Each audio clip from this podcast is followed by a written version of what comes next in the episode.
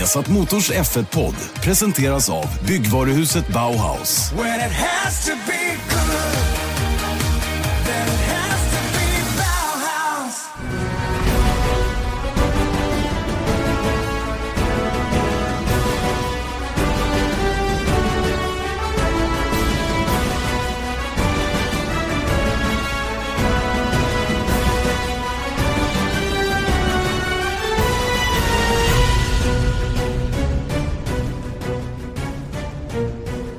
Jättevarmt välkommen till Viasat Motors Formel 1-podd. Formel 1-podden tillsammans med Janne Blomqvist Erik Stenborg som ska nu ta itu med eh, efterspelet efter Monacos Grand Prix. Eh, Monacos Grand Prix då som vi Erik eh, har kallat juvelen i kronan. Lite grann blir ju den här podden en, en frågeställning. Är det verkligen juvelen i kronan, eller hur? Mm. Ja, ska man avslöja redan nu så kristallen i kronan kanske? Ja, möjligen. möjligen. Ja. I men jag, kan, jag kan komma med lite bara reflektioner nu efter att ha varit där då i, i, i, fem dagar och hela den grejen runt omkring. Att, att det är, det är, och det är verkligen, vill jag understryka, det är någonting alldeles speciellt att vara där. Så är det. Mm. Och det tycker alla som är där också. Eh, och det är det som är grejen med Monaco. Det är ju atmosfären. Racet som sådant är, är, inte riktigt samma sak. Va? Sen var det en lite speciell helg på många sätt med, med däck som eh, inte hade kört speciellt mycket vare sig på försäsongstesterna eller på en representativ bana för det när det ska användas. Eh, så att återigen så blev ju däcken någonting som påverkade väldigt mycket eh, raceresultatet. Va? Så att, eh, Ja, det, det, var en, det var en annorlunda helg, men det var verkligen Monaco, precis som du brukar. Det var smetfullt med kändisar och ja, men eh, lite kul att, att vara där nere ändå. Mm. Och det måste jag säga också att även om racet är, är som det är där eh, så är det ändå, apropå att känna att det är stort att vara där och att det är häftigt och atmosfären och allting sånt där. Det, det är ändå speciellt att har man möjlighet att åka så är det ju häftigt för att det är ju som eh, många som har varit där för första gången uttrycker sig alltid att här, man kommer så nära och det går ju våldsamt fort på den här banan trots att det är den långsammaste banan på hela kalendern. Men just murarna gör ju att det går otroligt fort ja. om man ser det på det sättet. Ja, så att det, det, är ju sevärt på alla sätt och vis. Verkligen, va? och titta på det, det banrekord som slogs under kvalet, 1.10,8. Det är stört snabbt alltså. Och det, eh, nu är det dessutom flat out förbi swimmingpoolen. Och det har det inte varit tidigare. Och det tyckte faktiskt Marcus Eriksson var lite synd. För att eh, det, det han menar på att det är lite roligare om det är precis på gränsen att man kan åka fullt. Mm. Eh, men, men nu är det smetfullt rakt igenom där och inga som helst konstigheter. Ja, för vissa då, som svänger in lite för tidigt så blir det ju lite för snabbt. Så kan det bli. Då, då, då blir det ofta jobbigt Exakt. om man svänger in för tidigt. Exakt. Men det var faktiskt, det var ju roligt också att ni gjorde, ni filmade, ni var ju med i en intervju på Youtube. Ja, just det. kan vi väl puffa för. Det, kan... det var ju där eh, Marcus Eriksson eh, sa det här. Just det. Till just det. dig eller till Johan. Johan Hedberg heter han. Matgeek har en Youtube-kanal där han håller på främst med mat men han är en störd eh, F1-entusiast och åker dit och spelar in lite filmklipp. Eh, ja. Varje år egentligen. Ja. Och eh, där, var, där var ni med. Vi blev inbjudna, ja. både jag, Rickard och Björn Wirdheim. Magnus Andersson hade inte tid att vara med. Annars hade han också varit med. Han, han var tvungen att åka och träffa någon eh, belgisk stuntförare tillsammans med Tom Kristensen istället. Ja, men det är klart. Killen som, han parkerade sin bil i vardagsrummet. Eller så sa man ju så ah, kanske inte i vardagsrummet, men, men garaget var inrett som ett vardagsrum, sa han. Okej, okay. så han parkerade i garaget? Typ, typ. Ja.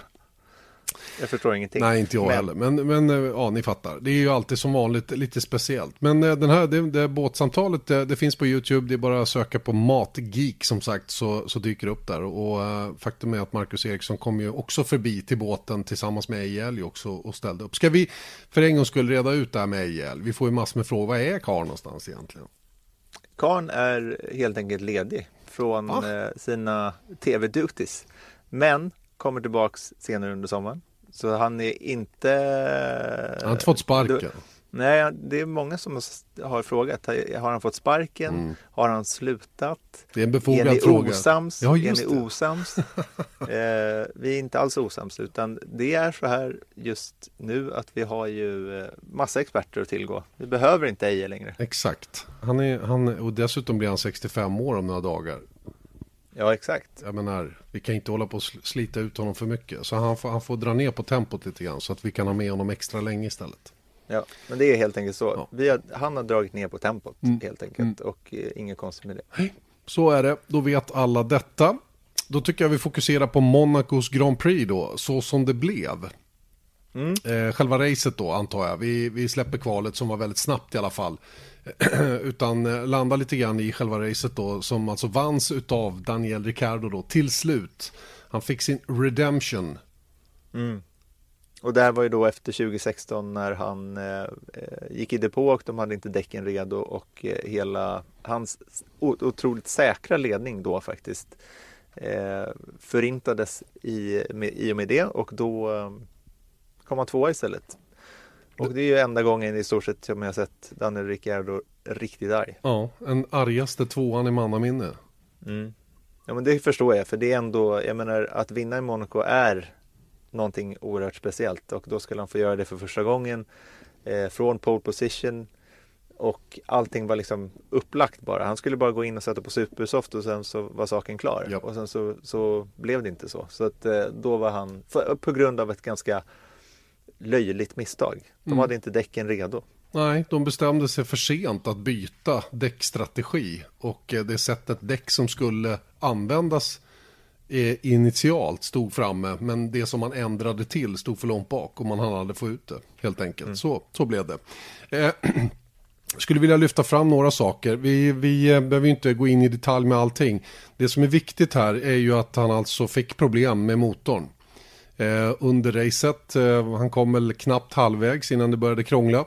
Eh, 28 varv. 28 varv ja, innan han slutade använda sjuans växel till att börja med. Och det här hade inte med växellådan att göra utan det här hade med att MGUK slutade fungera på bilen. Det vill säga KERS-återvinningen då som är kopplad till bakbromsarna.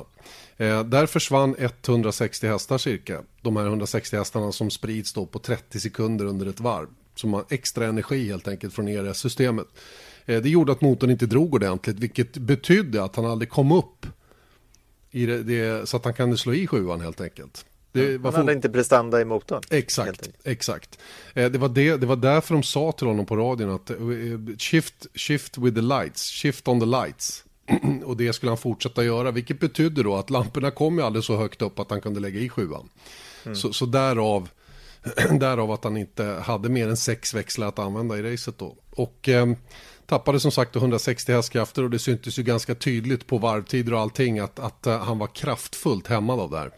Mm, verkligen. Och Red Bull jämförde det här då med eh, Michael Schumachers race i Spanien 1994, då i Benetton. Och då fastnade ju hans växellåda på femte växeln. Eh, men han tog sig i mål i alla fall.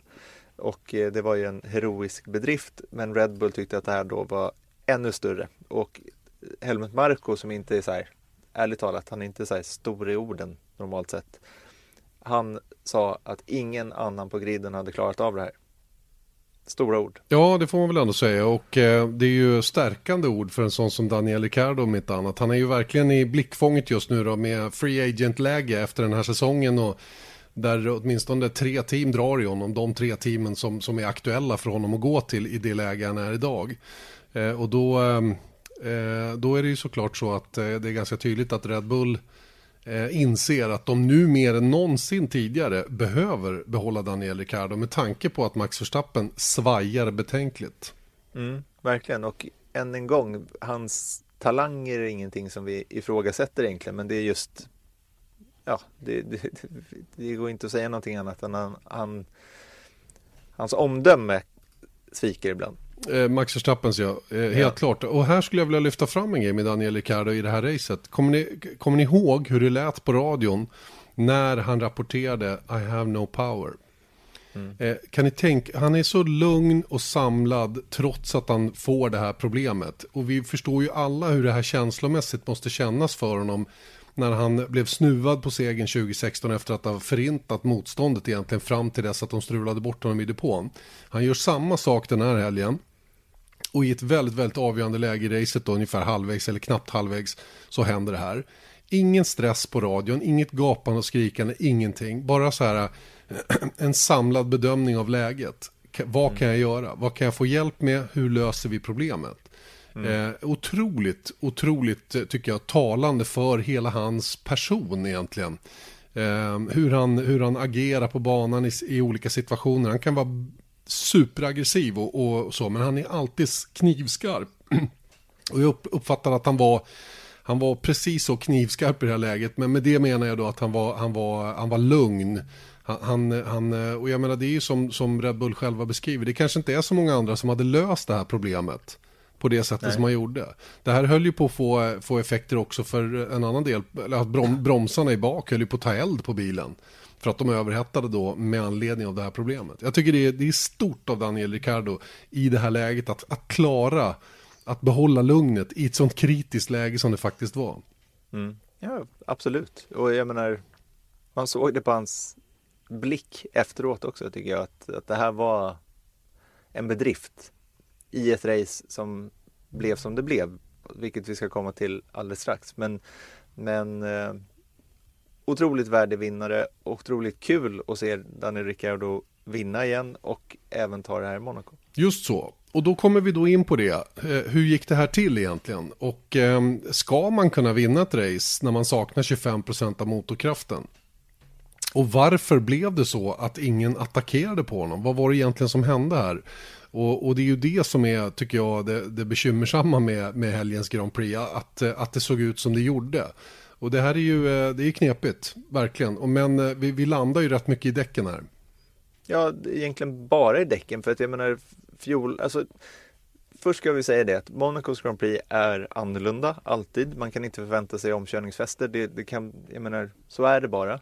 Men det kan ändå bli bra race. Jag tycker de tre senaste har varit eh, hyggliga. Jag menar, de är inga superklassiker, det är inte det. Men det beror på med liksom du går in när du tittar på Monacos Grand Prix. Och då har det varit fullkomligt godkända Monacos Grand Prix.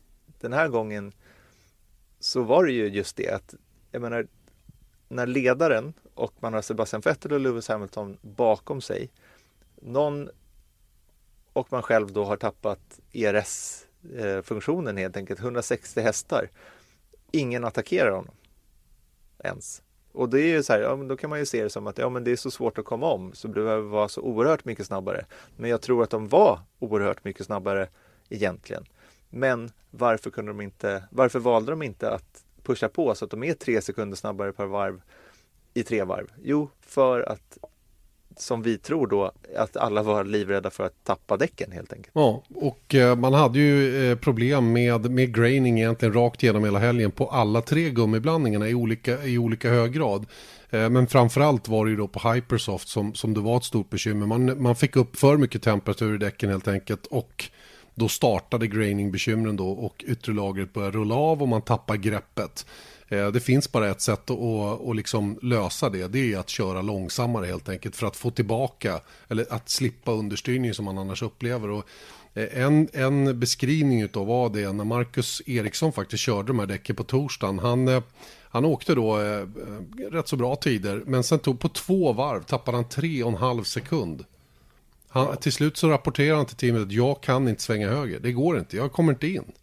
Det, det, det går liksom inte att, att, köra bilen på det här viset. Va? Så att, och det här, det här hade ju alla andra också naturligtvis, inte kanske lika hög grad, men de alla hade ju samma problem. Och det här gjorde ju att man var, man var otroligt bekymrade för livslängden på framförallt Hypersoft. Men det visade sig att det var graining bekymmer både på Ultra och Supersoft också. Så mm. att, eh, och det är ju det som, eh, det, det, var det som snuvade oss lite grann på ett, på ett bättre race än vad det blev. Mm. Och ärligt talat, jag, jag måste, jag, jag, kan gå, ibland blir, bli, blir vi beskyllda för att eh, promota en produkt så att vi inte är helt objektiva. Men nu måste jag säga att rent objektivt så tyckte jag, jag vet att du inte håller med mig eh, helt och hållet här, men jag tycker att det var ett skitrace och jag kände mig nästan upprörd i kontrollrummet stundtals. Och det var för att jag såg att topp 4 varvade mestadels på 1.18.5 ungefär. Alltså 8 sekunder långsammare än pole position och det är egentligen inte så här himla konstigt att det går långsammare i race för det gör det ju alltid. De har tunga bilar, man, måste, man har inte tankning i Formel 1 längre som alla vet. Men jag läste en analys då som vi får från ehm, eh, eh, FOM och då hade Nor enligt analysen då så var normaltempot mellan en till en och en halv sekund snabbare. Även med återhållsamheten inbyggt då. Men det här var, de, de slog av på tempot en till en och en halv sekund. Eh, och det låter ju inte så mycket men det är det här som är grejen att risker och chansningar försvinner med de marginalerna. Om man kör på 90 procent då är det inte speciellt svårt för en Formel 1-förare att köra Formel 1 i Monaco. För oss, vi skulle ju krascha på en och en halv sekund. Men de som är vana vid det här och har kört ett kval åtta sekunder snabbare, då är det som att cruisa. Mm. Och det är det som blir problemet där, att behärskningen var ju näst, närmast total. Inte en enda eh, förare bröt på grund av ett misstag. Och det var ju för att de körde inte tillräckligt fort. Så det, inga misstag kommer i den farten. Nej, precis. Och då, och då blir det den här otroligt återhållna körningen. Eh, och det är klart att Vettel går ju inte in och riskerar en, en omkörning när han ligger på 18 poäng och har 3 plus på Hamilton. Eh, och, och, det blir liksom, och alla vet att eh, däcken är så pass, vad ska jag säga, eh, nyckfulla så att de, de, de vågade inte chansa på det helt enkelt. Va? Och då, då händer ingenting. Och precis, och jag tycker du, du pekar på det så, det är så otroligt viktigt här att när de åker så långsamt som de gjorde nu, hela fältet, mm. ja då är det för mycket marginal. Då är, det, då är det som att åka runt. Och det är därför också tror jag, vi har fått de här omdömena från Fernando Alonso, Lewis Hamilton, om att det här var det tråkigaste racet ever, för deras del. Det är mm. just av den anledningen. De blev aldrig kittlade överhuvudtaget. De fick inte vara de här gladiatorerna som man ska vara i Monaco. Som de blev på lördagen i kvalet. Mm. När de fick hamra på riktigt ordentligt. Och, och liksom verkligen satte sin egen kompetens på sin spets. Va? Verkligen, och det finns lite intressant statistik, eller statistik, det är egentligen en analys i den här, ja, samma dokument som jag pratade om tidigare. Och det var att Nico Hülkenberg Renault då, eh, han startade på Ultrasoft och han var snabbare på Ultrasoft från start i sin första stint än vad topp 4 var när de bytte till Ultrasoft eh, någon gång efter sina depåstopp. Alltså Hylkenberg var, eller ingen var snabbare än Hylkenberg i topp 4 under andra stinten med en lättare bil och nya däck. Det tycker jag säger ganska mycket. Och när Stroll satte på sina hypers i slutet för han var ju gone liksom. Så han, han behövde ju gå in och byta däck och satte på Hypersoft och körde alltså fem sekunder snabbare än täten. Mm. Här har vi hela problematiken och det är det som gjorde att det här inte blev kanske den, det, det rafflande, den rafflande drabbning som vi hade hoppats. Och det här är självklart inte förarnas fel. Va? Det, det var precis eh, som du har kommit fram till, det var ju så här man var tvungen att köra. Eh, och eh, faktum är att eh, när däcken arbetade som de gjorde så blev det, det, det jobbade emot förarna istället för med. Och, och, och snuvade oss på en, eh, på, en, på en jäkla bra tävling måste jag säga. Det fanns ju några få undantag. Eh, Pierre Gasly gjorde ju ett strålande jobb. Han körde igenom graining, eller så fick han aldrig graining överhuvudtaget. Jag tror han hade lite, men, men han lyckades ta sig förbi det där.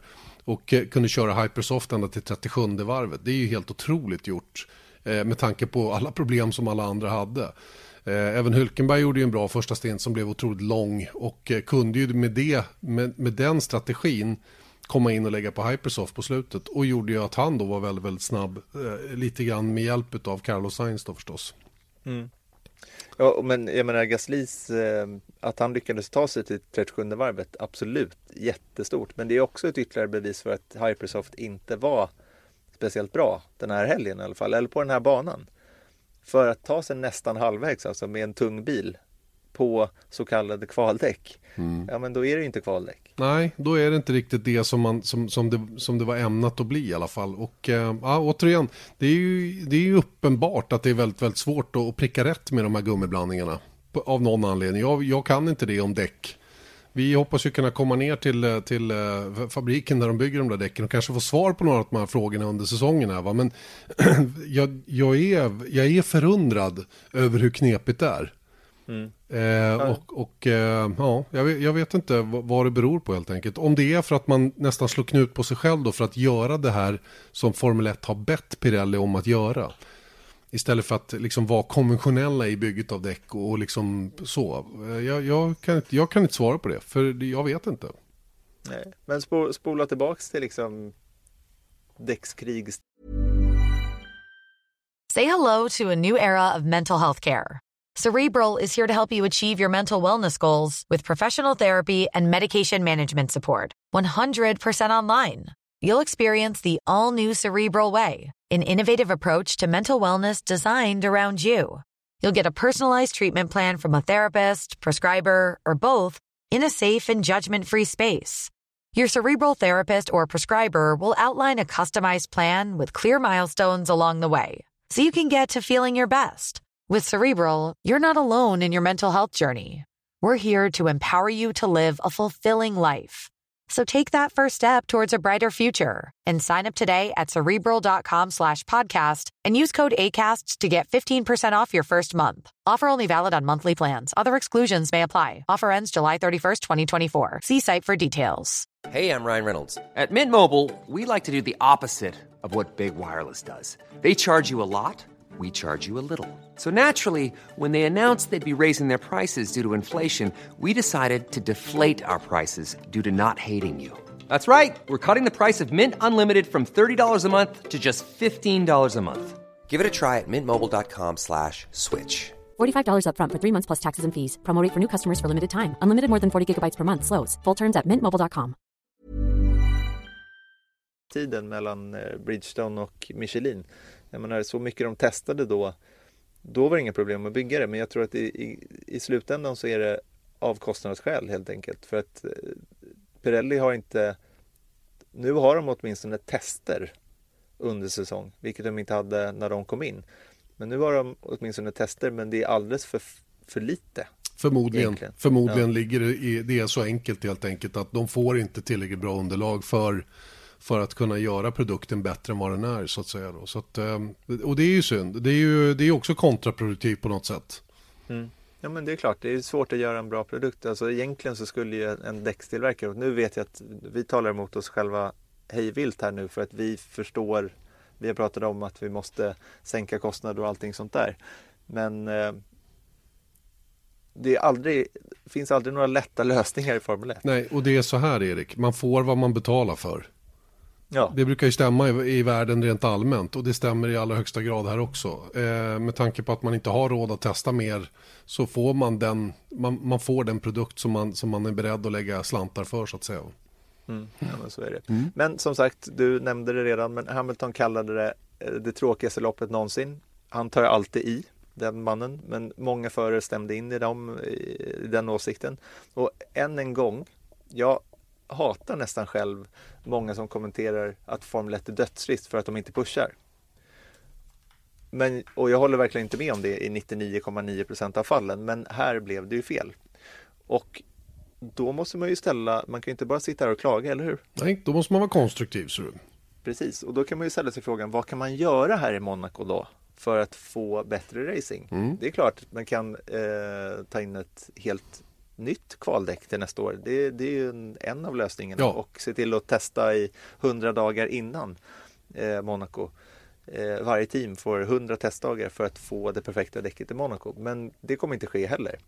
Men vi ställer i alla fall frågan på vår Facebook-sida idag, facebook.com F1-podden. Eh, Det kom väldigt många förslag, väldigt kul. Många eh, svåra att genomföra. Ja, väldigt svåra. Andra lite mindre svåra. Alla, alla de här förslagen är nog svåra. Men eh, man kan ju säga så här, vissa vill stryka Monaco, andra eh, vill spice upp kvalet, eh, minska, bil, alltså minska storleken på bilarna. Det finns hejvilt här egentligen. Och, eh, men något som vi kan titta på här tycker jag är då som Hamilton ungefär uttryckte det, då Monaco redan är så speciellt. Det är nästan ett event mer än ett race. Varför inte göra det till en one-off? Mm. Där kan, där kan man ju testa lite allt möjligt. Verkligen. Ska jag komma med en superradika- ett superradikalt förslag då? Mm. Vi, eh, Please. vi stryker racet. Där, där är jag med. Det Jo, ska man inte göra. jo men vi, vi struntar i att köra Monacos Grand Prix. Men vi kör ändå i Monaco. Som någon slags non-championship-grej. Nej, det ska vara med i mästerskapet men vi ska tävla på ett annat sätt, tycker jag. Det här är ju, det här är ju väldigt utanför boxen nu. Jag tänker mig mer att vi, vi stryker processionskörningen på söndagen. Vi jobbar över tre dagar. Eh, vi tränar, vi säger jag, men teamen tränar precis som vanligt på fredagen. Eh, på det sedvanliga sättet, hitta balans och känna sig för. Man åker ju ändå hela tiden på de mjukaste gummiblandningen även på träningarna. Eh, och sen så kör vi igång eh, någonting helt annat. Vi kör kval, eh, typ av kval, eh, både lördag och sen också på söndagen. Vi gör det till en slags time attack tävling där man jagar absolut snabbaste varvtid. Och, och, det ska vara lite olika, det ska vara lite olika, um, olika delmoment i det här. Som kunde vara upp, uppdelat, vi kunde ha lördagen fortfarande en timme långt. Där eh, vi till exempel har liknande kval som vi har idag. Ett shootout-kval där man åker ut efter Q1, Q2, och Q3. Sen, sen, kan vi ha på söndagen så har vi då eh, genom det första kvalet fått en startordning på eh, ett, en shootout. Eh, varje förare får tre flygande varv. Ett ut, tre flygande. Eller om man kör slow, heter det, push, slow, push. Hur man nu lägger upp det. Det kan vara ett annat moment så att säga. Va? Och mm. eh, där är alla 20 bilarna med fortfarande i den shootouten. Där tar man fram de 10 bästa. Som sen får ytterligare en session att, att mm. eh, köra eh, för att vara den absolut snabbaste på banan. Eh, och eh, jag, jag har inte detaljerna för hur formatet skulle se ut. Men jag tror vet, att det skulle göra det här mycket, mycket roligare att följa. Vi skulle få eh, små, små spännande minitävlingar hela vägen fram. Som till slut utmynnar i den absolut snabbaste föraren eh, i Formel 1 på gatorna i Monaco. Tillsammans då självklart med den snabbaste bilen. Mm. Det, är väl, det är väl mycket roligare att få fram en, en, en sån vinnare på ett sånt sätt än att se bilarna köra 78 varv då i, i typ, på typ det här sättet som, som, som vi såg igår då, eller som vi nästan alltid ser i Monaco. För, för det är ju ändå det man alltid pratar om va, det är en förarbana, här gör föraren skillnad. Var, ska vi inte mäta dem bara i det istället? Vi släpper den andra biten och så låter vi de tävlandet på vanligt vis att säga köras på konventionellare banor. Eh, fortfarande kan vi köra vanliga stadsbanor så att säga, va? men där typ Singapore och Baku där det går att köra förbi trots allt. Va? Mm. Va, va, vad, säger du? vad säger du? Alltså, jag tycker det låter spännande. För det, är också, det var ju en del förslag som kom runt att spice upp kvalet. Att man skulle köra olika grupper och allting sånt där. Och då tyckte jag så här, men vänta nu, det, det är ju kvalet som är spännande fortfarande. Det är det mest spännande under helgen. Brukar det visa sig, för mm. det är där de pushar på. Sen så eh, skulle det här då Ja, så jag, jag, såg ingen anledning att spice upp kvalet, men det här blir ett glorifierat racekval någonstans. Så att jag, jag, eh, jag kanske inte köper ditt förslag på format 100 procent. Nej, nej, men det, är inte jag... det, vi, det är inte det vi har tittat på heller. Nej, exakt. Och jag bara, jag bara lyfter upp, alltså, ger exempel på hur formatet skulle kunna vara, bara liksom snabbt. Men, men jag tänker så här, vi, vi stryker racingen, vi stryker själva tävlingen. Men vi gör istället till en tävling i att vara absolut snabbast i Monaco. Men, men där förarna får mer varv att göra de här supervarven så att säga. Va? De får mm. köra in sig mer på banan i olika delmoment då, som leder fram till någon form av avslutande shootout med de tio absolut snabbaste fram till dess då som gör upp om plats 1 till 10 och därmed poängen. Ja, ja men jag, jag tycker det låter coolt. Mm. Sen så är det ju den där grejen att det, det, det finns ju såklart baksidor men det är också att man ska Det är just den där det oväntade eh, kommer ju tas bort antagligen för då kan vi ju Du vet Olivier Panis 1996 kommer aldrig ske. Nej. Och jag menar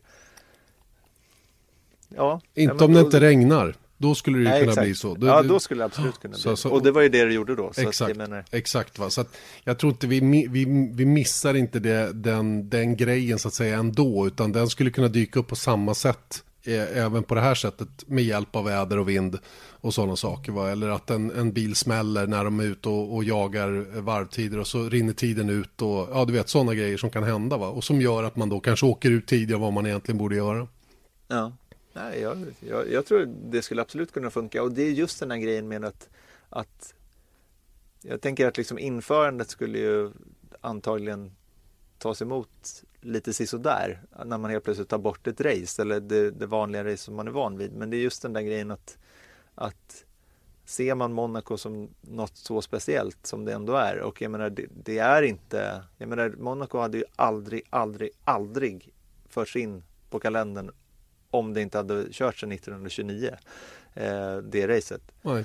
Så att med tanke på det då så skulle det säkert kunna fungera. Ja, och, då, och vi skulle fortfarande behålla eventet. För det är ju eventet som är cool. Och då skulle vi dessutom få en helt annan nerv i själva tävlandet också. Va? Jag, jag, jag, jag, jag kan inte se att det skulle... Alltså, visst, man kan göra om bansträckningar och sådana grejer. Va? Nu har jag precis varit där nere och tittat hur det ser ut. Och jag, jag har väldigt, väldigt svårt att se egentligen att det ska kunna gå att göra något jättestort med själva bansträckningen. Det finns grejer som går att göra, självklart. Mm. Kan vi inte eh, ta en av de ja, grejerna? För det är någon, någon som har, har, påpekat det också som gav mig lite eh, anledning att eh, forska lite på Google Maps. Och det var när man precis genom Lövshornålen eller Fairmonthornålen som den heter nu, den klassiska eh, vänstern och sen så går det ner höger i något som jag tror kallas Lilla Mirabeau eller någonting sånt. Där är det egentligen bara en mur. Så du, kom, du skulle kunna svänga vänster där. Men du måste upp på en halv motorväg skulle man kunna säga som går över eh, den biten då. Så att om du har en ramp upp dit och sen så har du världens längsta breda raksträcka. Och sen så på något sätt, jag vet inte riktigt hur du ska komma tillbaks härifrån, men, men du måste det går inte bara att öppna upp eh, muren så att säga för att kunna införa det här. Men, men med eh, lite ombyggnationer så skulle det kanske gå. Att man kör på den där, har en kilometer lång raka alla Baku. H0 i slutet och sen så vänder det tillbaka och kommer in i tunneln därifrån istället. Mm. Visst. Eh, det skulle ju, alltså, jag menar, än en gång, det skulle gå. Hade man velat göra det. Ja, ja jo, men det, det tror jag också. Faktum är att det finns en ramp upp. Mm. Eh, på, precis eh, om du tänker dig där, där man svänger höger för att köra in i tunneln. Då tar man vänster där. Eh, för där är det ju bonkat. Man, där är det ju liksom stängt för att inte någon ska kunna ta sig in den vägen. Men öppnar man upp mm. där så finns det faktiskt en ramp upp där. Och den kanske behöver modifieras lite för att lösa just den biten. Då. Så att, jag tror inte det är några gigantiska förändringar som behöver till. Det är ju när man ska av igen för att ta sig in i tunneln på väg tillbaka. Det är ju lite logistik med, och man kanske behöver bygga något som går över eh, och resten går under, alltså typ, typ Suzuka. Ja. ja, men jag tror liksom med tanke på att man kan bygga en bana i Singapore eller, eller någon annanstans, då, då skulle man kunna göra det här också. Mm. Om, man, om uh, if there's a will, there's a way. Så är det, så är det. Där har ni våra, våra idéer kring det i alla fall. Mm. Gå gärna in på vår Facebook-adress och läs igenom alla de här förslagen som har kommit och var med och diskutera. Det är jättekul tycker jag. Ja. Att, att uh, det finns, uh, det finns sån, uh, så mycket åsikter om detta. Eh, som sagt, jag tror på att ändra formatet på körningen. Erik tror kanske att det går att fixa till banan lite. Mm. Men jag vill också bara avslutningsvis då remma allt vad jag har sagt med marken. För att 20, eh, Monacos GP 2019 kan vara en helt annan historia. Så det kanske blir ett, ett superrace. Jag menar, det har funnits superrace i Monaco i modern tid. Så att, jag menar, gör om, gör nästa år. Det kanske är det enklaste av allt. Men jag, jag, tycker inte man ska liksom det ska bli intressant att följa de här knee jerk decisions som kommer efter det här. För någonting, debatten kommer komma upp i alla fall. Ni lyssnar alltså till Vesat Motors F1-podd. Janne Blomqvist och Erik Stenborg har pratat en hel del om Monacos Grand Prix, det som hände där och varför racet blev som det blev. Vi har även avhandlat lite grann vad man skulle kunna göra åt Monacos Grand Prix för att få det lite mer underhållande kanske. För underhållningen saknas emellanåt på den här stadsbanan där det är så oerhört svårt att köra om. Var med och diskutera på vår Facebook, facebook.com F1-podden. Men nu tänkte jag att det är dags för den här vignetten. Lyssnarfrågan presenteras av Pirelli. Pirelli. Power is nothing without control. Just det, Erik, dags för lyssnarfråga. Så är det och eh, den här veckan eh, har vi valt ut en fråga från Henrik Rydén eh, som har skickat in det här då på än en gång vår Facebook-sida. Frågan lyder så här. Hur påverkas en förares körskicklighet av att ständigt år efter år ligga längst bak i fältet och fightas? Tänker mig att det påverkar ens färdigheter i att till exempel köra om, slipstreama och med mera negativt. Om man inte gör vissa saker kontinuerligt så blir man ju sämre på det. Eller är det som att cykla? Eh, ja, vi kör ju inte Formel 1 för jämnan i alla fall. Eh, Nej. så att, eh, och vi ligger inte heller eh, längst bak i fältet när vi gör det. Nej, så att jag menar då, då Jag fattar inte vad han pratar om. Nej, så att vi kan ju inte svara på det här. Så vi, vi, tog, vi tog kontakt då med Den som Eh, oftast gör det. ja, Nu är det taskig Erik. ja, det var omedvetet. Omedvetet var det. Nej, men eh, ofrivilligt har han legat de senaste åren i alla fall väldigt mycket långt bak och eh, därför frågade vi eh, Sveriges och Saubers Marcus Eriksson. Eh, jo, men det tror jag att den, det är klart att den påverkas till viss del. Jag menar, det finns nog ingen som tappar så lite tid som jag på blå- blåflaggor eh, efter de här åren som jag har haft. Jag skulle kalla mig en expert på att tappa så lite tid som möjligt på det. Och det är ju på grund av att jag har fått väldigt mycket blåflagg sista åren. Det, det är väl kanske inte det roligaste att vara expert på, men, men så har det blivit. Eh, och sen är det klart att eh, just den här racingen eh, jul mot jul eh, har inte jag kunnat gjort så mycket sista året på grund av att vi har varit så pass långt bak. Och, eh, ja, det kanske, kanske man inte är exakt på, på den nivån som man kan vara då, utan det kanske behövs något race liksom innan man är på, på absolut toppnivå där. Det är väl bara rimligt att, att tro det. Eh, men man tappar ändå inte liksom grunden i hur, hur du kör om en bil eller hur du försvarar en position. Det har man ju liksom i sig sen, sen man var liten och körde gokart om man säger så. Men kanske den sista procenten är någonting som man liksom tappar lite grann men behöver eh, få tillbaks då. Eh, så jag tror att eh, det absolut det ligger någonting i det. Finns det något sätt man övar det här överhuvudtaget? Alltså, jag menar när man kör. Finns det liksom det här, typ, är det någon gång man liksom går in på insidan i kurvan bara för att testa det?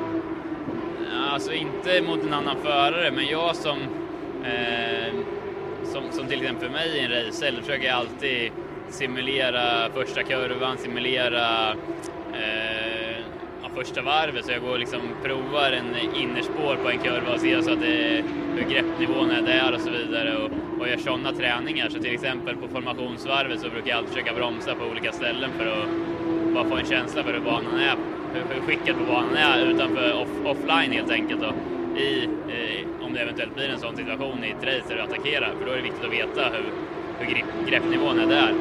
Eh, men det är svårt att liksom simulera en omkörning med en annan bil för att det är inte så ofta det blir sådana situationer. Eh, men som sagt, man kan själv göra lite sådana små grejer, lite små övningar för att just bygga på lite erfarenhet och det försöker jag jämt göra under, under racehelgerna. Och sen så andra typer av racing, till, till exempel jag menar, simulator, finns det omkörningsmöjligheter? Det gör inte det va, i en simulator? Nej, alla simulator, simulatorer jag har kört så är det bara du själv liksom och din bil som du, du kör. Så där går det inte att träna, vad jag vet.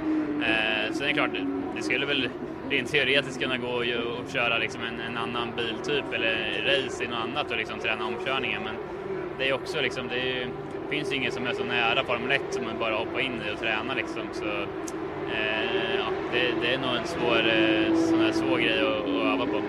Får träna lite på riktigt i år istället. Exakt, det är bättre att göra på, på riktigt i år, så, så det siktar vi på. Ja, Henrik, där fick du eh, i alla fall Marcus Erikssons syn på din fråga då och grattis då till en eh, Pirelli podiumkeps. Precis. Det är aldrig fel. Och ha en Nej, det är det inte. Den är jättefin. Eh, ja, vad ska vi säga om det där då? Eh, det är klart att det inte är så lätt att, att träna på de där grejerna. Men vi hör ju att Marcus ändå jobbar med olika detaljer i körningen under en, en helg så att säga. Ja, och det jag tyckte var intressant att han säger att han åtminstone provar lite olika spår och allting sådär för att känna på grepp och sånt. Och det, det är kanske självklart, men jag har inte tänkt på det på det sättet att man, ja, att man gör något annat än att köra så fort som möjligt egentligen. Nej. Det, en fråga som jag ställer mig lite grann det är ju det här blir man sämre av att köra inom citat en dålig bil? Blir man sämre som förare? Eh, jag har ibland, eh, jag har ju fått hyfsat klart för mig i alla fall vad Marcus tycker om i en bil och varför eh, det, när han trivs så att säga och kan köra väldigt, väldigt fort. Jag får för mig då att han skulle, jag tror att han skulle blomstra väldigt i en bil med väldigt mycket downforce. En bil som hänger i och som man kan lita på i, och kan pusha på rätt sätt så att säga. Va? Eh, Medan andra förare då har andra egenheter som gör att de kanske inte riktigt kan utnyttja det på samma sätt men är betydligt aggressivare i andra avseenden då. Vi kan ju faktiskt se skillnad på Ericsson och, och Charles Leclerc i år. Charles Leclerc som är super, super aggressiv hela tiden. Han är på millimeter när det gäller inbromsning. Han var ju inte långt från att krascha till exempel i kvalet i Monaco för att han bromsade rätt många meter för, för, för sent den gången. Så att han, han är verkligen på andra sidan där så att säga. Det är, en, det är en intressant frågeställning, den kanske vi kan ta en annan gång. Ja, men tycker jag. Du får fråga honom nästa gång ni ses. Absolutely. Hörru du, men, ja? Apropå, apropå jämförelserna med, eh, vi, vi, kan väl prata lite Sauber överhuvudtaget för det kommit lite nyheter idag faktiskt när vi spelar in det här måndag. Men till att börja med då så, så um, fick jag en så reality check igen när man eh, pratar om avstånd mellan teamkamrater eller avstånd mellan bilar överhuvudtaget i, eh, i Formel 1 och eh, nu blev ju Eriksson slagen av Leclerc med eh, fyra tiondelar i kvalet och då tänker man så här shit, det är ju liksom av grunden liksom. Nej, det tänkte jag inte, men det, det är en stor marginal ses det som. Vilket det är också om man tittar på jämnheten i hela fältet. Men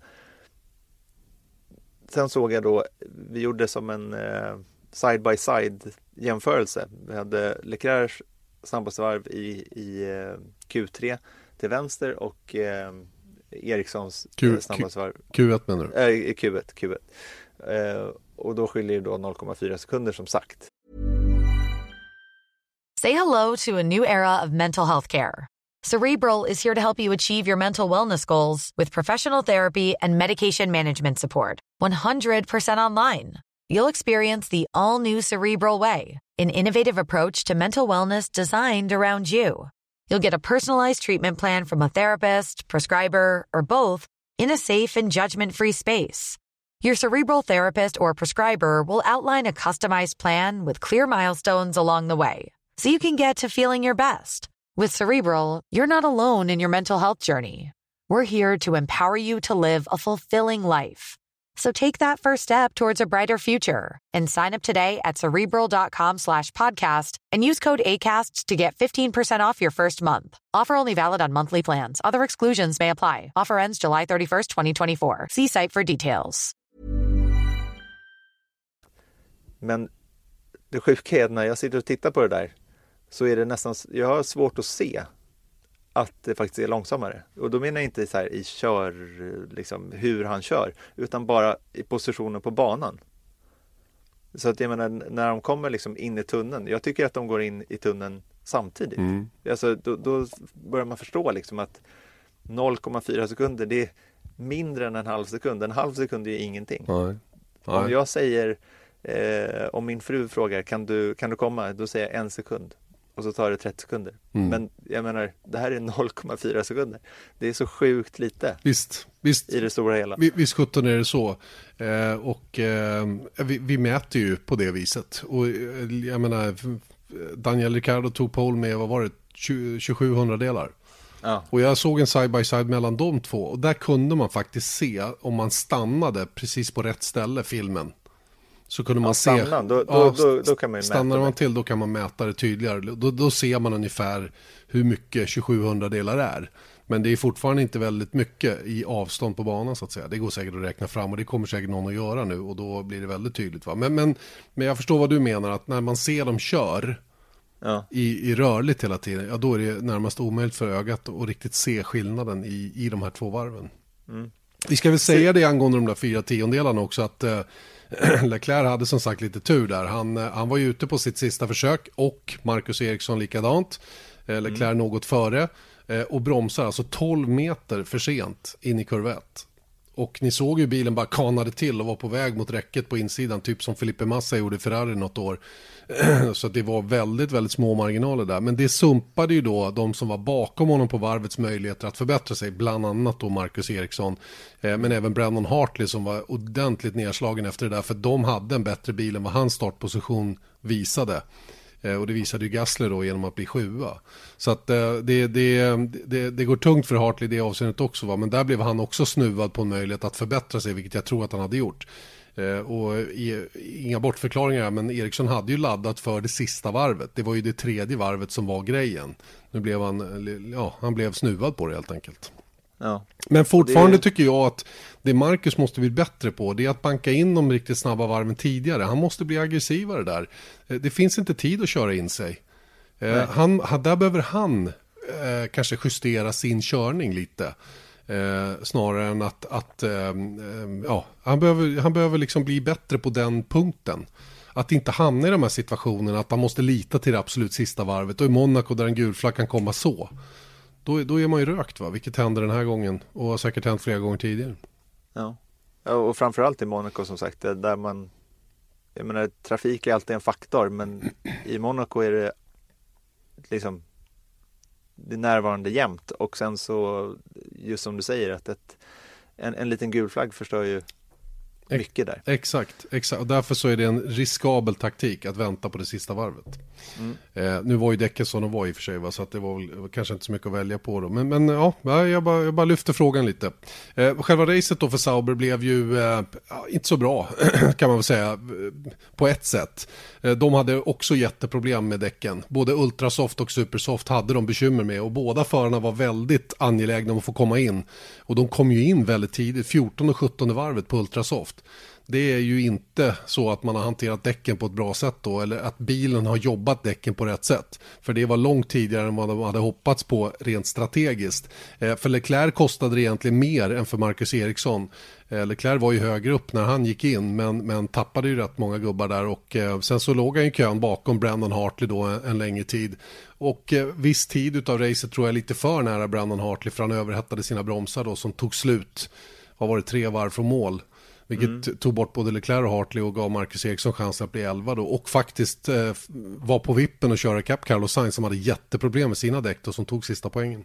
Ja. ja, det var ju några varv där mot slutet som Marcus faktiskt var tre sekunder snabbare per, per varv än Sainz då. Mm. Så att, eh, det hade varit kul om det hade varit 80 varv istället för 78. Men, men eh, jag tänkte faktiskt på det också. Att det där kommer ju med erfarenhet. Där visar i alla fall Marcus att han har erfarenheten av vad han behöver göra. För att man var ju nästan lite så här, man, lägg dig i växellådan nu. Liksom, och lägg dig i slagläge på Leclerc om man gör något misstag eller vad, vad som helst. Men det visar ju sig att det är ju inte alls så smart att göra så. Det var väl lite så Leclerc tänkte på, på Hartley som, som du var inne på. Mm. Men då gick det ju för varmt och alldeles för långt och så han, han eh, tappade ju vänster frambroms. Mm, han gjorde det och han hade ju haft problem med en 3-4 varv innan det här hände också då och var ju faktiskt tillsagd flera gånger att backa ner lite grann för att få bättre kylning på bromsarna. Och eh, jag förstår ju hur Leclerc tänkte. Han ville ju ligga i växellådan för att utnyttja minsta lilla chans som kunde komma. Eh, och eh, nu kom aldrig den och istället så, så tappade han broms, bromsverken och kraschade bort både sig själv och Brandon Hartley. Han blev inte bestraffad för det eftersom han eh, ja, fick, hade bevis på att det var ett tekniskt problem då som, som orsakade den här påkörningen. Så ingenting sånt framöver. Mm. Apropå tekniska problem. Ja. Tekniska direktörer då? Exakt. En ny sån kommer till Sauber. Blev klart till förmiddags. Först, jag satt och, och ja du vet, man sitter och roamar lite på Twitter och så, så såg jag en italiensk journalist som skrev ett, eller som, som la upp ett pressmeddelande från Ferrari på italienska.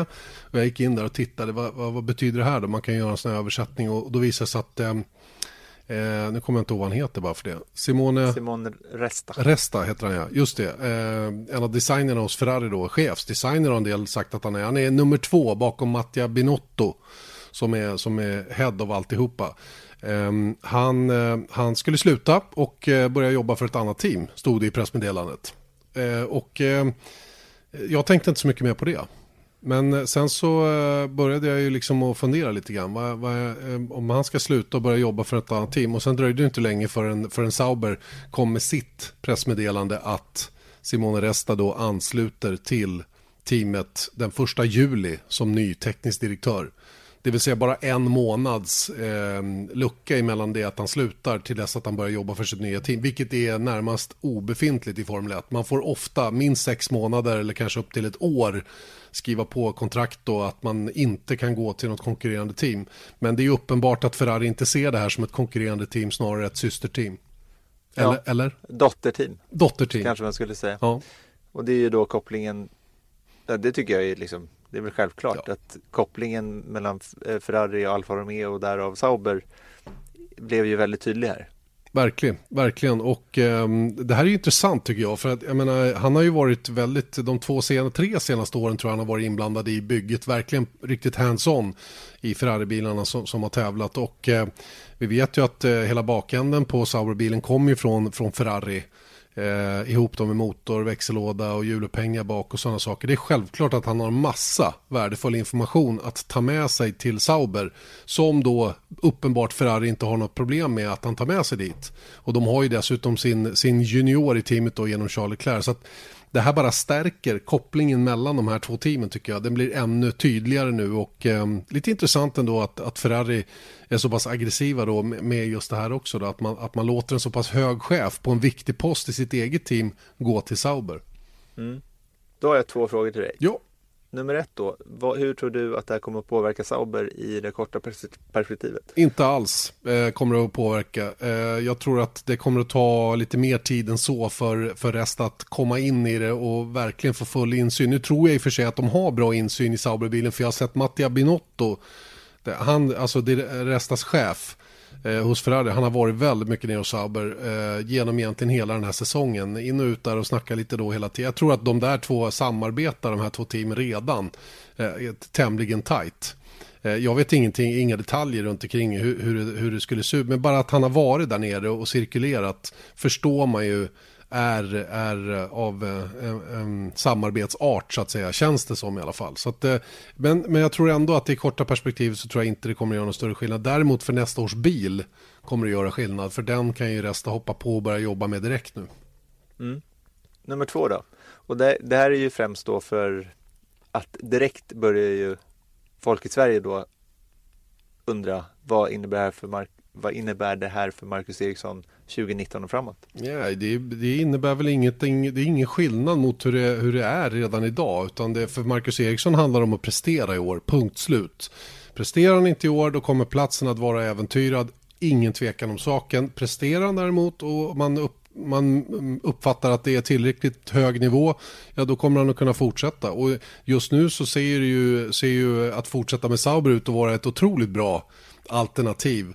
Inte bara för Marcus Eriksson utan för andra också som, som är hugade att komma in i Formel 1 så att säga. Men, men eh, eh, jag tror just det här att, att Simone Resta kommer in har ingenting med Marcus eventuella fortsättning på karriären att göra utan det handlar om att köra fortare och eh, få ihop sina kval bättre, matcha Charlie Leclerc ända till målsnöret.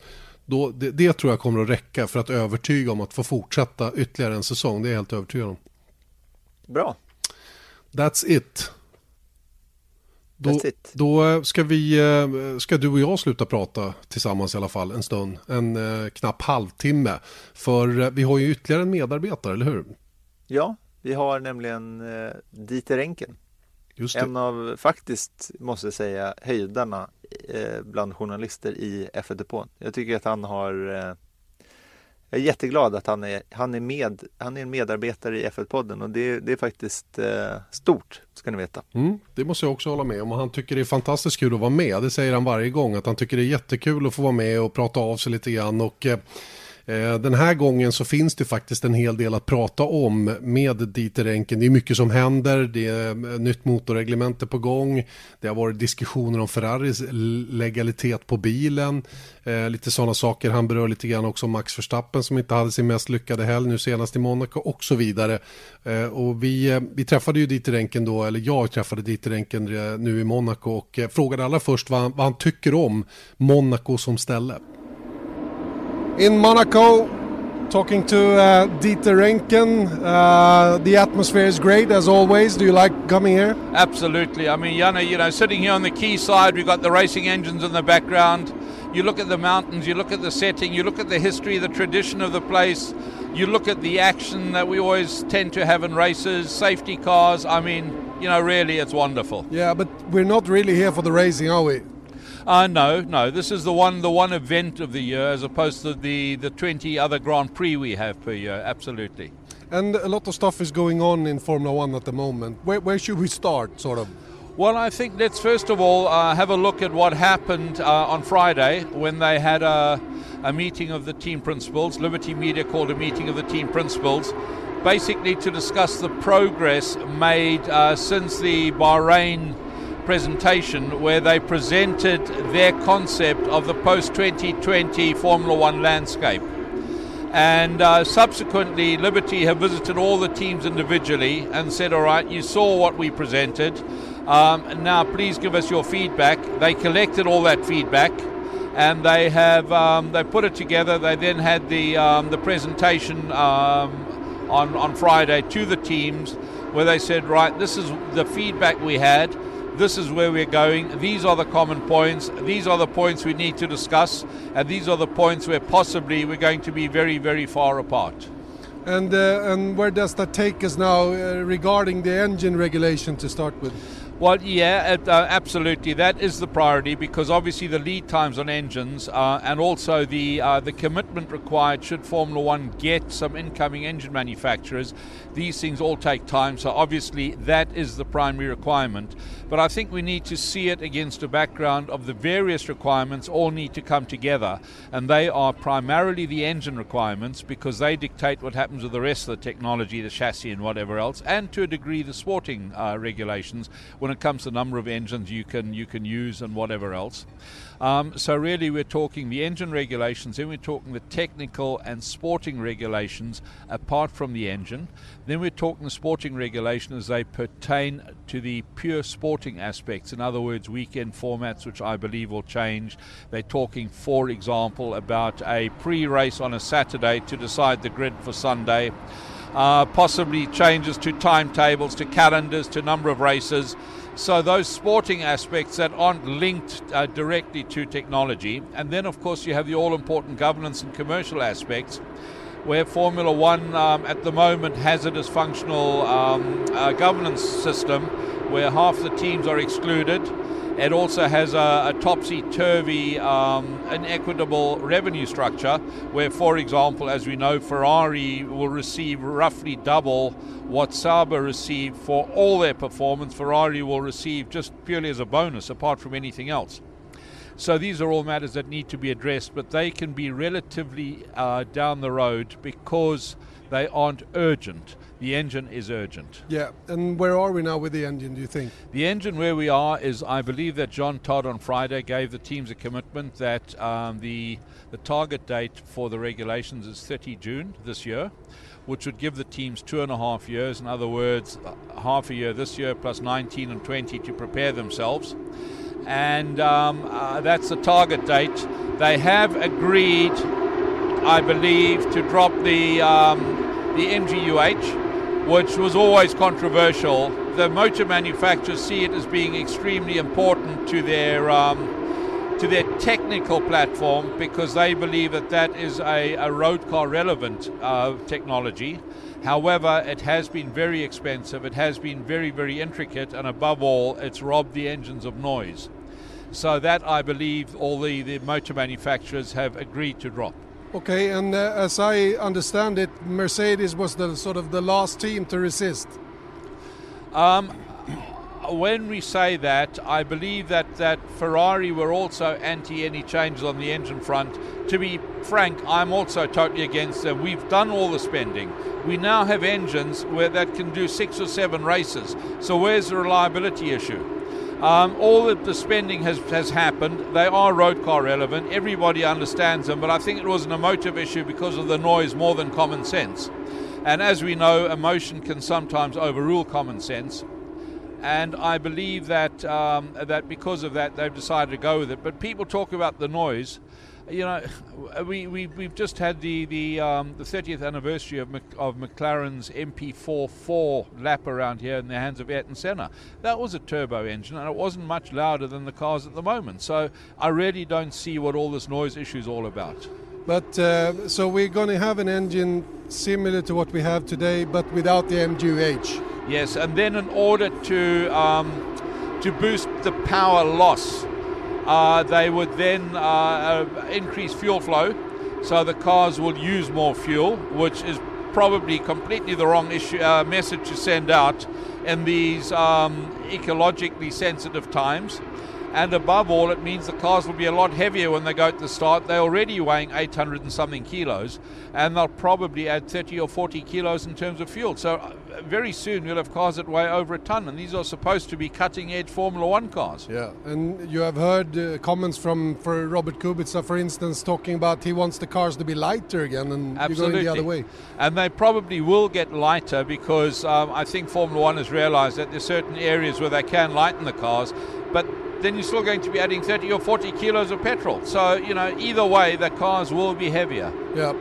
So, um, 30th of June, that's the that's the deadline target time. date. That's Yeah. the target date. Okay. I think it will stretch on slightly because I'll sort of have to dot the I's and cross the T's on the regulations, but the target date is 30 June. Even if it stretches on through the summer break to the end of, of, of August, it really makes no real difference, difference because Formula One is so packed with races during July. I mean, we've got the Austrian, we've got the British, we've got the German, we've got the Hungarian Grand Prix, so there will hardly be any breathing space. Then, of course, we go into the summer break, and uh, the engineering types can then look at the actual paperwork and putting the, the regulations together. So I guess, although the target date is 30 June, I think more realistically end of August. So, uh, uh, in in terms of bringing new manufacturers of engines into Formula One, what, what does that uh, sort of uh, gets us now? Well, Formula One is hopeful of, of attracting at least one, um, hopefully from the uh, VW group, whether it's Audi or Porsche or Volkswagen itself or whatever. But, but equally, uh, in the past, in 2009, when they introduced these, they said, well, if we have these regulations, we're sure the manufacturers will, will come flocking. Of course, they didn't. So um, I, I think the right way of doing it would have been to go out there, say to the manufacturers, if we drop the MGUH, will you come in with us? And got and then gotten a real proper commitment from them. Let's see what they do. We have four at the moment. My ideal formula would be six engine manufacturers. Whether or not they own a team or at the same time simultaneously is beside the point, but six brands on the grid, each supplying two teams which would give you uh, 12 teams, 24 cars, and then ultimately two uh, tyre suppliers, and we'd have all the racing we want. Yeah. So uh, Aston Martin then is also talking about building an engine, probably for Red Bull, as they have a, a cooperation at the moment. Correct, correct. Um, and they would probably then also supply somebody like Toro Rosso. Yes, absolutely.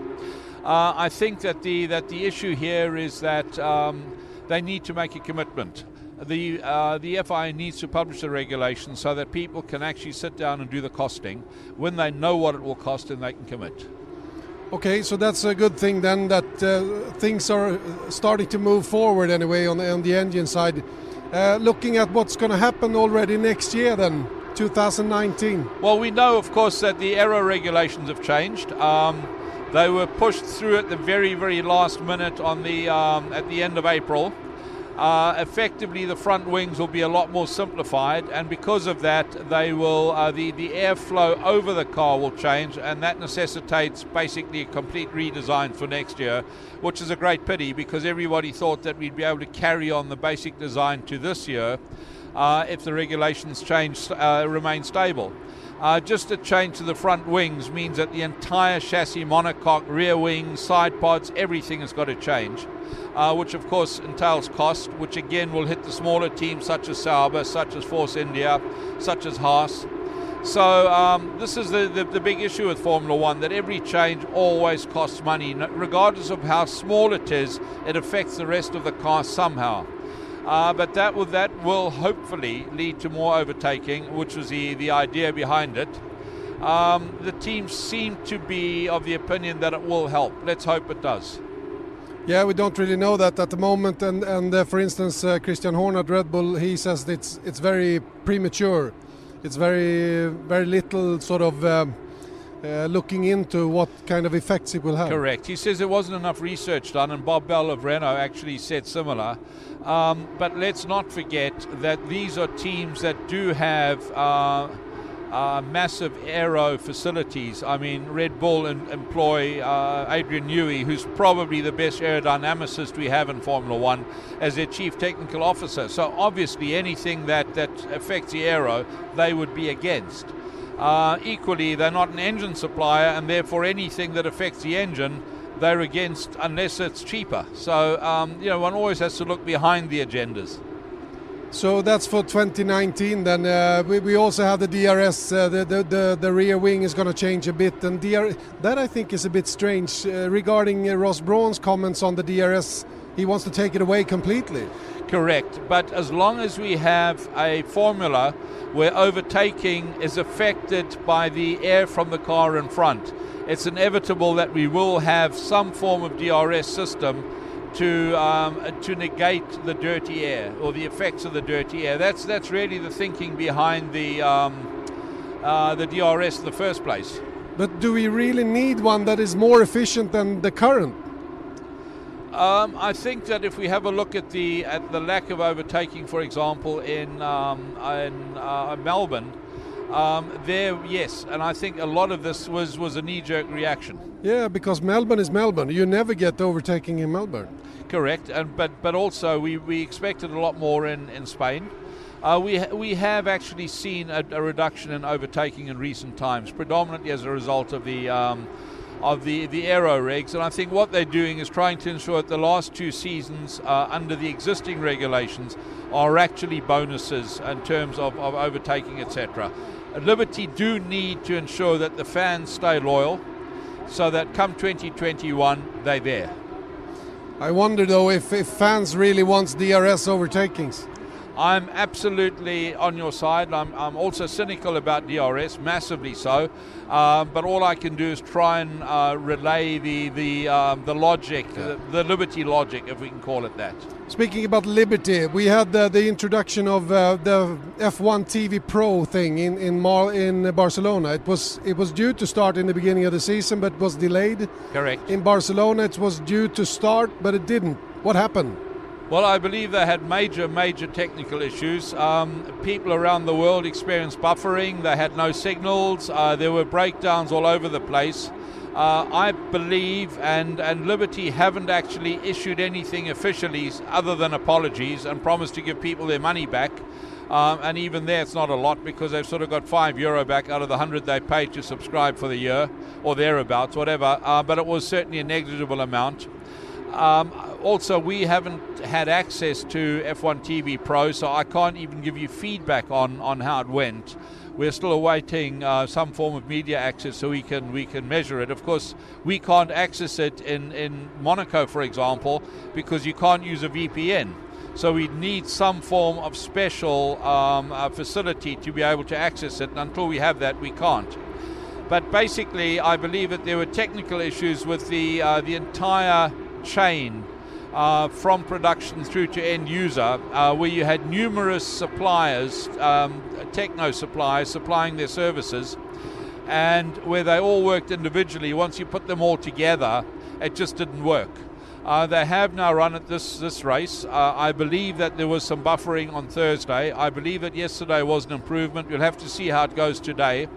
But I think the best way of trying to explain the um, the technical issues I had in, in Spain is to look at it from a, a, pure laptop perspective. Let's assume you've got Windows 10, 11, whatever, and um, you add a particular program and it works perfectly, and then you add another program and these two are in conflict and suddenly nothing works. Do you blame the original program? Do you blame the first add on or do you blame the second? Add- Whatever, it still doesn't work. And that's what they've been trying to unravel to work out where the conflicts lie. And that's of course uh, a bit of an embarrassment for the whole for the whole setup, isn't it? Massively, massively. It was interesting because the share price dropped almost immediately, and to Liberty as a listed company, this is extremely important. But I think above all, uh, it's it's it has made people cynical about uh, Liberty's announcements. Uh, because as you know, you I think you were there in in uh, Spain in February when they announced it, and they said absolutely it will be there for uh, Australia. It wasn't. And then, of course, it wasn't there for the subsequent races, Bahrain and China and Abu Dhabi, um, Baku. And, uh, and then, of course, in Spain, it didn't work either. So there, there is a lot of cynicism around. And I know that fans were also disheartened because they were really looking forward to it.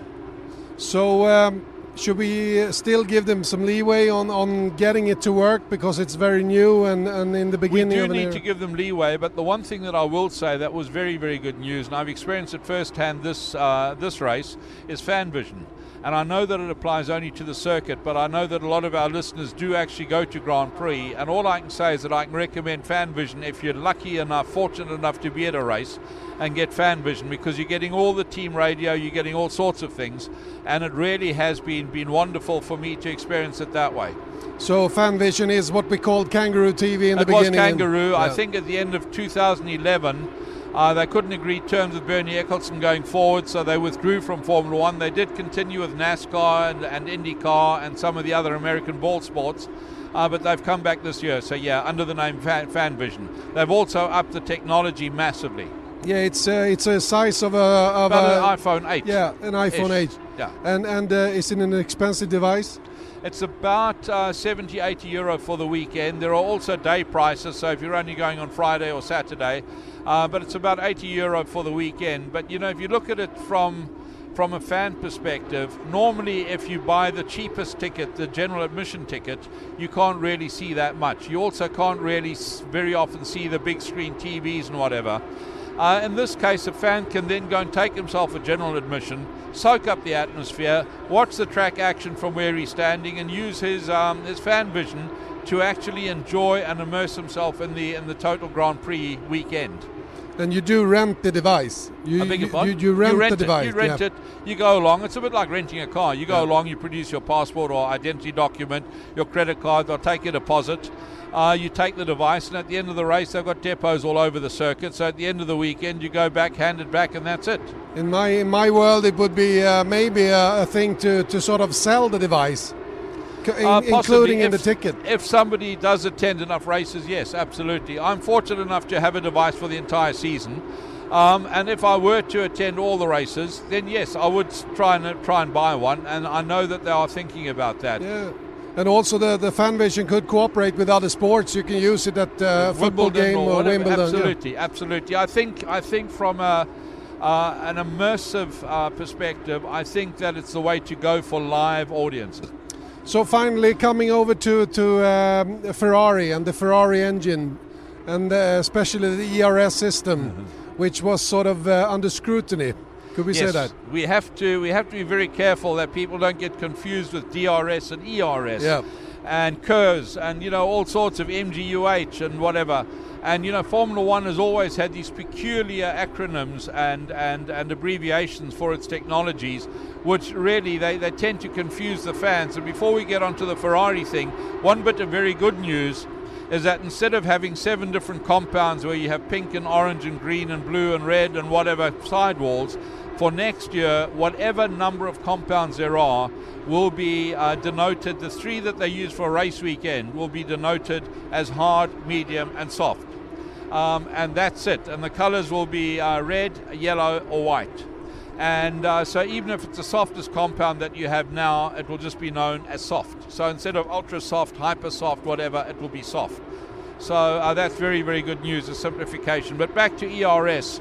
Uh, there were suggestions that Ferrari, which uniquely runs uh, a double battery uh, energy uh, storage system, uh, that they were somehow or other bypassing the limits on the amount of electrical energy that you can release to your electric motors by using the second battery. That they had some form of resistor, some separate storage device. Uh, there were these suggestions. It was then uh, um, it was raised with the FIA. They did a complete and thorough investigation of the Ferrari system. They've given them the all clear. If the teams are no longer happy, having requested clarification, if they're no longer happy, they now would need to protest.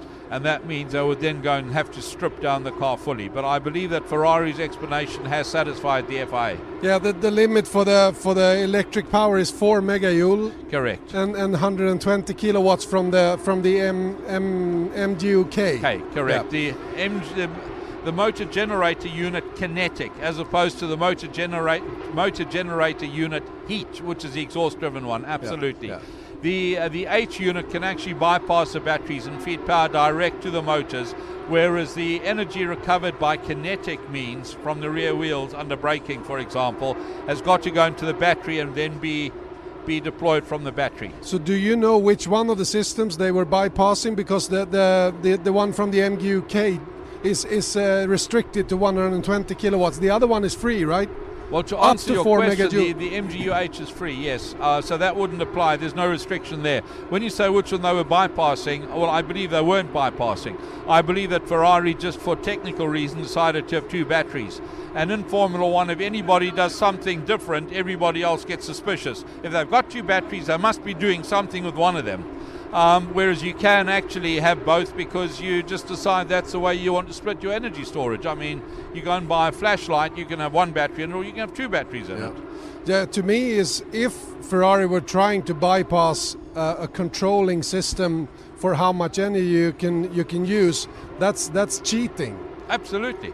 Which is why the teams were concerned. It may also not be direct cheating. It could be, as opposed to breaking the regulations, it could be bending the regulations. But as I say, I believe the FIA is satisfied that it's all legal. They've investigated it, they've checked it, they've asked for explanations, and I believe that they are, are comfortable that it all complies, yes. So that that story has died out now. It's died as from this morning, and the other area that was under suspicion, and I stress that word suspicion, was the um, uh, the use of, of possibly a separate oil system for the turbocharger, and I believe that's also been resolved. Okay, because now the the FIA has cleared it as that the turbocharger is included in the engine. Part so- of the engine, yeah. correct. So the oil uh, the oil mount that they can use is no 0.6 0.6 yeah. litres per 100 kilometres. Yeah.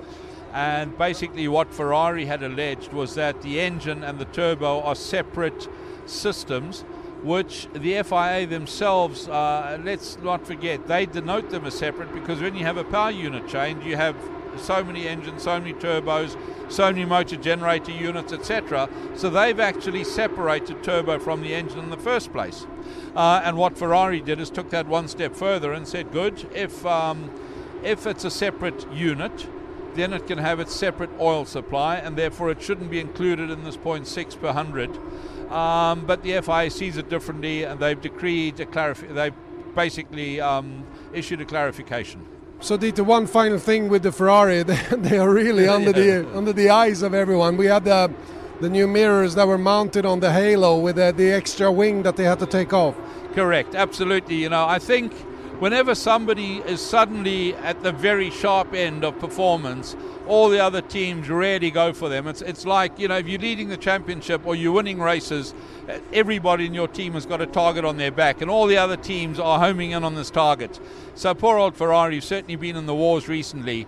Um, so in addition to obviously the, the ERS and to the uh, the turbo oil system, there was also the the issue raised about the winglets which Ferrari used to mount the mirrors. And again, the FIA had decreed that you could use the halo as a, as a mirror mounting.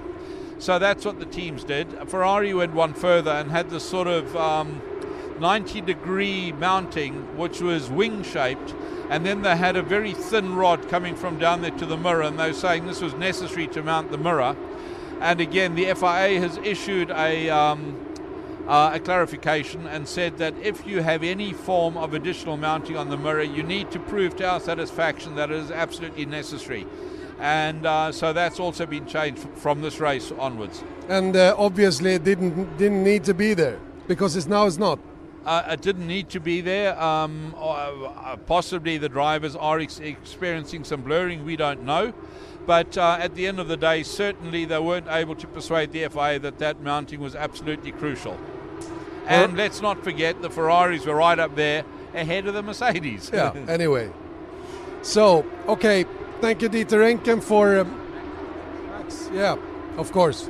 In closing, I think, uh, Jana, we should possibly uh, talk about Max. The Max attack for Verstappen, yes. Uh, Absolutely, Another it's another very mistake. strange. Another mistake. Uh, we have to call it a mistake this time out when he crashed during Absolutely. the you know, yesterday I put it to him that he'd made at least six mistakes in six races. Depending on how you count them, it could even be seven. And basically, uh, you know, he just disputes that, that he's to blame. And one has to wonder um, whether the uh, the various drivers who've been involved in his incidents, whether they're all to blame and he's absolutely innocent. Yes, he's sort of semi-accepted um, blame for the uh, the Vettel coming together in China. He would only accept 50% of the blame for the crash he had with his teammate in Baku. Although Nicky Lauda, for example, put it 70% max. Um, yesterday he semi-blamed the uh, the fact that there was a slower car which was doing a, a slow lap, and uh, that distracted him. But ultimately, there are no excuses. We're talking the top level of motorsport, and there are no excuses at this level. And you know, people turn around, they say, "Well, you know, this is a talent up there with uh, with Michael Schumacher, with Ayrton Senna." Uh, a lot of people also say the same as Michael, refused point blank to accept any blame for anything that happened. So Max is the same. Senna was like that as well. They say it's a mark of a champion. All I will say is I can't remember Michael having six or seven incidents in six or seven races. So what does that put Max in in in uh, within the team with a, with his newly signed contract and Ricardo is maybe moving somewhere else? Is there a worry for Red Bull? Do you think? Well, I think there is. Um, you know, I think they need to get Max under control. I think um, Red Bull, to a degree, must take a portion of the blame because they've always indulged uh, Max's on-track uh, antics. They've always made excuses for them. For example, the team also said, well, it was 50-50 in Baku, and everybody else certainly um, placed the majority of blame on, on Max's shoulders. The team didn't. They said 50 50. And one has to wonder how, how Daniel Ricciardo feels about this. And all I can say is that yesterday he had a far bigger smile on his face than Max did. And uh, it seems like Red Bull needs Daniel Ricciardo more than ever at this point, anyway. But so do other teams. You know, I think Ferrari, who could be losing Kimi at the end of this year, they've been taking notice. We mustn't forget that. Um, as things stand right now, Mercedes has two drivers out of contract at the end of this year. So who knows? Where would you put him? If I were Toto Wolff, I would make sure that I stayed very, very close to Dan Ricciardo. Okay, let's see what happens. It's going to be interesting to follow this story as well. Thank you so much, Dieter Enke, for talking Wonderful to us. Wonderful stuff. Always enjoy talking to you, Janne. Looking Thank forward you. to talk to you again soon. Great stuff. Dieter Enken där alltså som eh, var vältalig eh, i, i veckans podd. Kommer tillbaka snart igen, det kan vi utlova. Han eh, har mycket att prata om och samlar på sig väldigt mycket information. Finns det inte så mycket mer att tillägga va? Jag tycker inte det. Det blir en lång podd idag. Det blir... Trots att vi inte pratade själva. Nej, inte hela tiden i alla fall. Nej, väldigt kul. Eh, var med oss om en vecka igen, då ska vi börja prata upp Kanadas Grand Prix. Eh, men fram till dess säger vi tack och på återhörande från F1-podden i alla fall. Vesat Motors F1-podd presenterades av byggvaruhuset Bauhaus.